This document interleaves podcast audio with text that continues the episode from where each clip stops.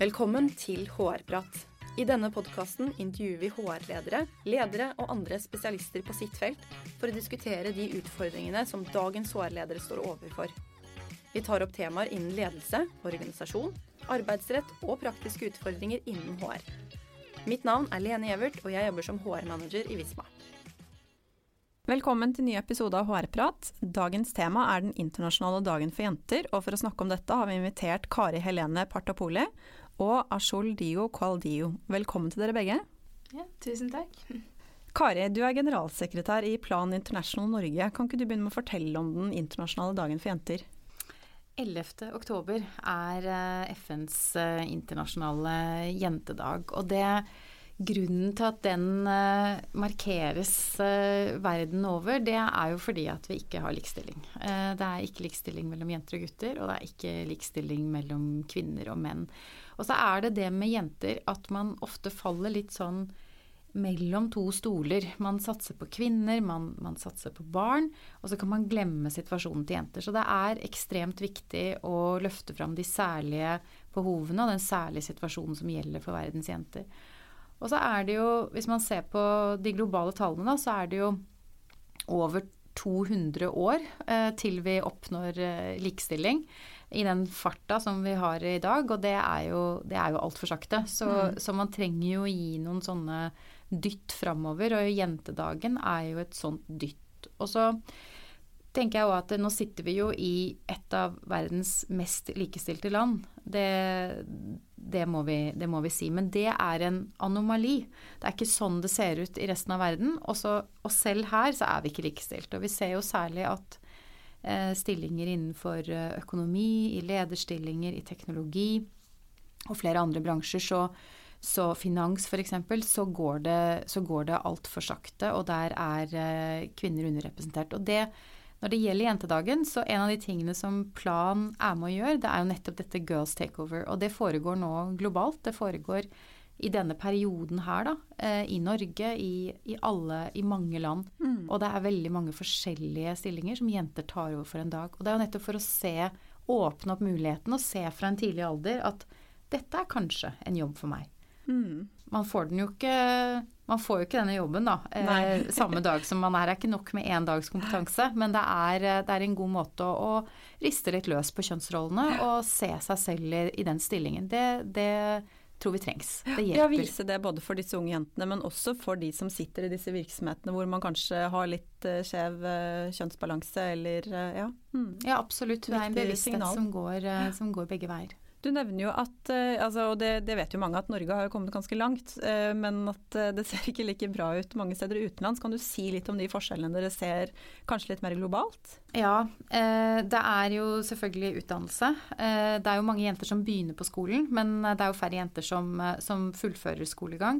Så er det jo det med selvbestemmelse over, over egen kropp. I det øyeblikket jenter blir, kommer i tenårene, så, så, blir det jo et enormt press som handler om alt fra seksualitet, graviditet til ekteskap osv., og, og som jo også stopper karrierer og utdannelse. Eh, så, og mange, de fleste jentene selv, ønsker jo å kunne velge selv, altså få en mulighet hvor de kan bestemme over, over egne liv. Og så, og så ser vi også de, de områdene hvor det går mest Altså hvor det går langsomt. Eh, og det er jo Det er eh, økonomi, økonomisk likestilling. Det er beslutninger, altså det politiske feltet. Og så er det også teknologi som kommer opp som et nytt felt. Okay. Hvor det er veldig store eh, kjønnsforskjeller.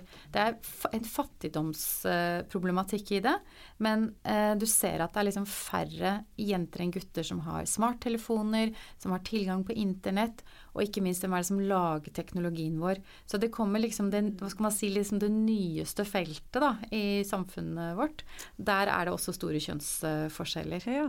Så det er liksom de tre områdene da, eh, hvor det går eh, ekstra sakte. Og, da, og du vet, disse endringene her, de kommer ikke av seg selv. Og det at vi sitter her og er såpass likestilt, det er jo en anomali. Det har ikke vært sånn i, eh, i den norske historien heller. Nei, langt ifra.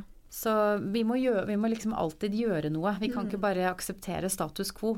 Absolutt ikke. For, for vi tror jo at og mener veldig genuint at likestilte samfunn er gode samfunn for Absolutt. alle. Mm. Ikke bare for uh, jenter og kvinner. Mm. Men i år så har dere valgt å sette fokus på kjønnsbasert vold på nett. Eh, kan du fortelle litt om hvorfor har dere valgt akkurat dette temaet? Det er jo eh, litt tilbake til det jeg sa også med det digitale feltet som vi trenger å se litt ekstra på. Eh, og en del av det er jo sosiale medier. Eh, og det er jo et sted hvor, liksom, hvor ungdom og, og jenter eh, bruker mye av tiden sin. Og det blir jo spesielt aktuelt i år da, med covid fordi vi har kommet, blitt enda mer digitale. Og eh, da har vi snakket med faktisk 14 000 jenter i eh, til sammen 31 land. Og, og, det vi ser er at over halvparten sier at de opplever trakassering basert på kjønn online. Og det i Norge har også vært med i undersøkelsen, og Norge ligger faktisk litt høyere eh, enn gjennomsnittet. Ja. Så, eh, og det kan være fordi at vi har såpass stor adgang eh, til sosiale medier, det kan det, men det er likevel et ganske sånn tydelig varsku. Og um, og det begynner tidlig. Det begynner fra, altså fra tiårsalderen. Og det jenter opplever, det er jo altså, seksuell trakassering som eh, baserer seg på utseende, på bodyshaming, mobbing, eh, hvordan du ser ut. Men det er jo også trusler om fysisk vold, og det kan være online stalking. Og det, kan, det er ganske eh, fysisk og, og, seksuell vold, og det kan også flytte seg inn i den fysiske verdenen, da. Og det har noen konsekvenser. Og konsekvensene er jo Det har noe med ytringsrom å gjøre. At, at mange sier at de regulerer atferden sin basert på dette her. Og at de eh, Noen trekker seg helt ut, men, men, eh, men det meste er kanskje at man liksom tenker på hva man sier, og, og ikke har det samme ja, ytringsfriheten eller ytringsrommet da, som, eh, som andre har. At man blir rett og slett litt begrenset ja, av det? Ja, man gjør det. Og vi har jo hatt noen eksempler eh, her også med unge debattanter når de, eh, når de går og, uh, kommer ut med sterke meninger. Og den da ekstra byrden det kan være for, for unge jenter å, å snakke høyt. Uh, eh, fordi du da får den ekstra sånn, mm. kjønnede, seksualiserte trakasseringen. da. Eh, Eller vanlige jenter som faktisk bare legger ut bilder fra hva man gjør på fritiden sin. Altså bilder at man er ute, på, ute i en park eller henger med venninner eller hva det måtte være. Helt hverdagslige ting uten å kanskje ha på en måte provosert eller tatt noe spesielt stor plass. Ja, det, det, er, det er, rett og slett eh, kan være dagligdagse ting. Og det kan være, det kan være, altså det kan være stalking som bare kommer av at, altså kjønnet ditt. Eh, og og det kan være regelrett uh, mobbing. Og så er det også det som da er demokratiproblematikken. Uh, at man da ikke har like fritt rom til, uh, til, til debatt og til, til diskusjoner. men det er jo så mange deler av livet vårt som er online, så, så, så er til, vi er nødt til å være oppmerksom på at det skal være trygge rammer. Mm. og det jentene også sier selv, er jo at de forventer jo Eh, de legger egentlig det største ansvaret på sosiale mediekanalene selv. Mm. Eh, og noen av de største er jo Instagram og Facebook, hvor man opplever um, trakasseringen.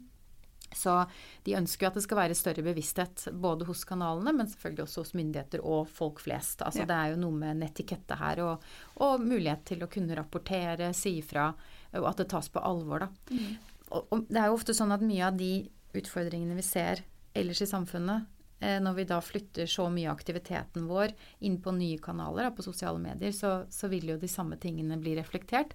Her kan du også være i større grad være anonym, da. Mm. Og det gjør, gjør, jo det Da er terskelen kanskje lavere. Ja. Ja. Men, men, når dere nå tar en rolle i dette her, hva er det dere ønsker å, å oppnå med dette fokuset?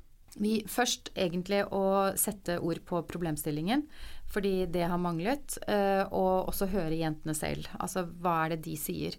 Det er viktig.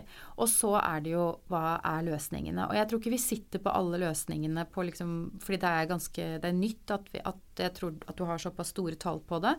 Eh, så for oss er det viktig nå å snakke med Eh, nå skal Instagram ha en sånn lytteøvelse hvor de, hvor de, som er et resultat av, av denne rapporten, hvor de skal, skal lytte til ungdom og høre Faktisk ha flere sånne sesjoner hvor de vil, eh, hvor de vil høre og på anbefalinger, og så se om de kan, kan gjøre noe selv. Så det er jo, det er jo endring. Mm. At man tar tak i den problemstillingen og sier at det er ikke greit, for det er jo ikke greit. Og det er jo det er jo barn. Eh, når du begynner ned i tiårsalderen, så er det jo faktisk helt uhørt. Da skal man slippe den form for ting. Ja. Um, Det høres jo helt mm. virkelighetsfjernt ut, men det er jo ja, utrolig trist at sånn i det hele tatt skjer.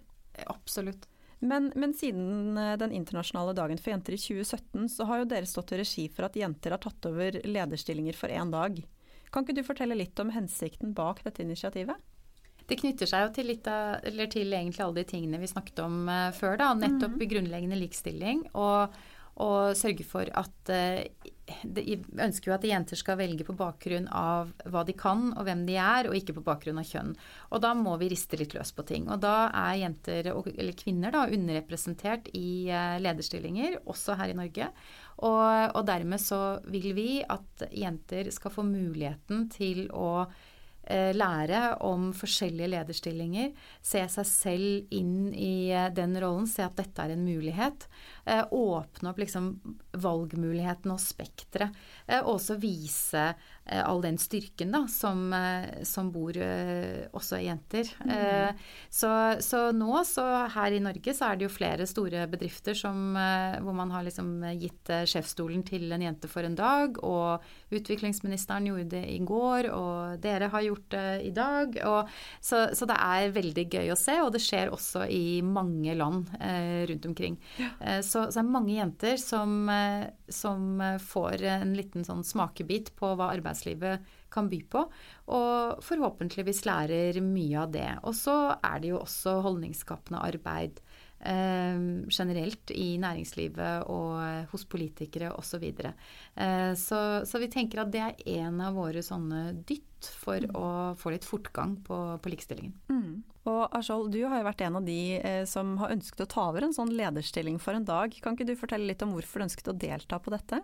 Vel, det var jo fordi jeg liker å ta initiativ i dagens samfunn. Og som Kari sa, så vil jeg finne ut hvordan folk kan løse problemstillinger.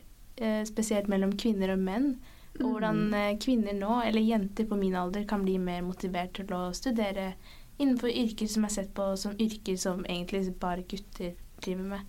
Ja, for det snakket vi litt om, om, tidligere i dag, og jeg ble litt overrasket. Men du fortalte jo litt hvilke yrker du opplever at jenter eh, blir presentert for i dag. Kan du si litt om det? Ja, um, i hvert fall hvis du har vanlig studiespes og går på videregående, så er det ganske normalt at du får tips om at du burde ta psykologi eller være sykepleier eller generelt lærer. Men du får ikke så mye informasjon om å, hvordan det er å være ingeniør eller jobbe for noe innenfor teknologi. Mm. Og, og, du er jo 16 år, eh, og i dag så har jo du vært min administrerende direktør og tatt over hele ansvaret for uh, selskapet som jeg jobber i. Uh, kan du fortelle hvordan det har vært å sitte i denne rollen for en dag? Vel, det var veldig mye på en gang. Ja. Jeg er jo bare 16, så det var ganske mye informasjon. Um, jeg la merke til at dere voksne har et uh, ganske spredt ordforråd. Ja. Uh, masse ord som jeg aldri hadde hørt om før. Men det var ganske interessant, og det får meg til å tenke på kanskje vurdere hva slags yrker jeg vil gjøre når jeg er eldre. Mm. Og vi har jo diskutert en del eh, komplekse problemstillinger, vil jeg jo si. Vi har jo diskutert mye mangfold og likestilling. Eh, og da har jo du også kunnet se oss litt i kortene hvordan det står til hos oss, hva våre ansatte synes og kanskje utfordre oss litt. Hvordan syns du det var? Vel, Visma har jo Eller eh, de har jo en ganske bra når det kommer til likestilling mellom kvinner og menn. Men eh, dere har jo vist at dere kan like godt forbedre dere. Uansett om det er ganske bra skala når det kommer til likestilling mellom kvinner og menn. Mm. Og dere viser også at eh, dere kan forbedre når det kommer til likestilling for folk med minoritetsbakgrunn. Absolutt. Ja, det var jo litt det vi diskuterte, at uh, hvis man ikke er på maks på skalaen, så har man fortsatt et forbedringspotensial, og da er det det man er nødt til å jobbe mot. Ja. Mm. Men har du uh, fått noen andre sånn spesielle overraskelser eller tatt med deg noen læringspunkter fra i dag uh, som du vil dele? At det er fortsatt veldig mye å lære igjen, og det er fortsatt plass til å forbedre meg. Og at det er flere valg jeg kan ha når jeg er voksen. Mm. Før vi runder av, hvis eh, dere skal gi noen råd til de HR-lederne som hører på, eh, hva tenker dere at de kan ta med seg fra dette initiativet, eller de tingene vi har snakket om her nå? At de kan få med seg flere unge og gi dem mer informasjon om hva de kan gjøre når de er eldre. Fordi som jeg har fått med meg på min alder, så får man ikke så mye informasjon, og man er veldig usikker på seg selv på hva man vil gjøre. Mm. Så det er fint om de får akkurat den informasjonen de trenger, så at det er enklere for dem å ta avgjørelser vise hvilke muligheter som er der ute. Ja. Mm. Kari, har du noen jeg, jeg, tenker det er et veldig godt råd, fordi at uh, mye av det jeg hører når uh, du snakker med bedrifter, hvorfor er det ikke flere kvinner, hvorfor er det ikke flere menn, hvorfor er det ikke flere med minoritetsbakgrunn, så sier de det er ingen som søker. Uh, og det er, jo, det er, jo, nettopp litt egentlig det du, du snakker om der, at ved å bl.a. også ha en sånn takeover, så åpner du også opp for unge som kan se dette som en attraktiv arbeidsplass i framtiden. Mm. Og det så det er jo en, et av skrittene eh, for å kunne bli attraktiv for et større, eh, større søkerskare. Ja. Fordi det, hver gang man har en gruppe som ser ganske ensarta ut, så, så, tror jeg når vi alle skal jobbe med utvikling av arbeidsplassen vår osv., så, videre, så så vet vi at blir vi for like, så tenker vi for likt, og det skjer for lite nytt faktisk, og man blir stående stille. Og da er det jo nettopp det hvordan klarer man å rekruttere eh, i hele talentpoolen, da. Og, og, da er jo dette en av de måtene å gjøre det på, fordi nå er det litt flere som vet om uh, arbeidsmuligheter her også. Mm.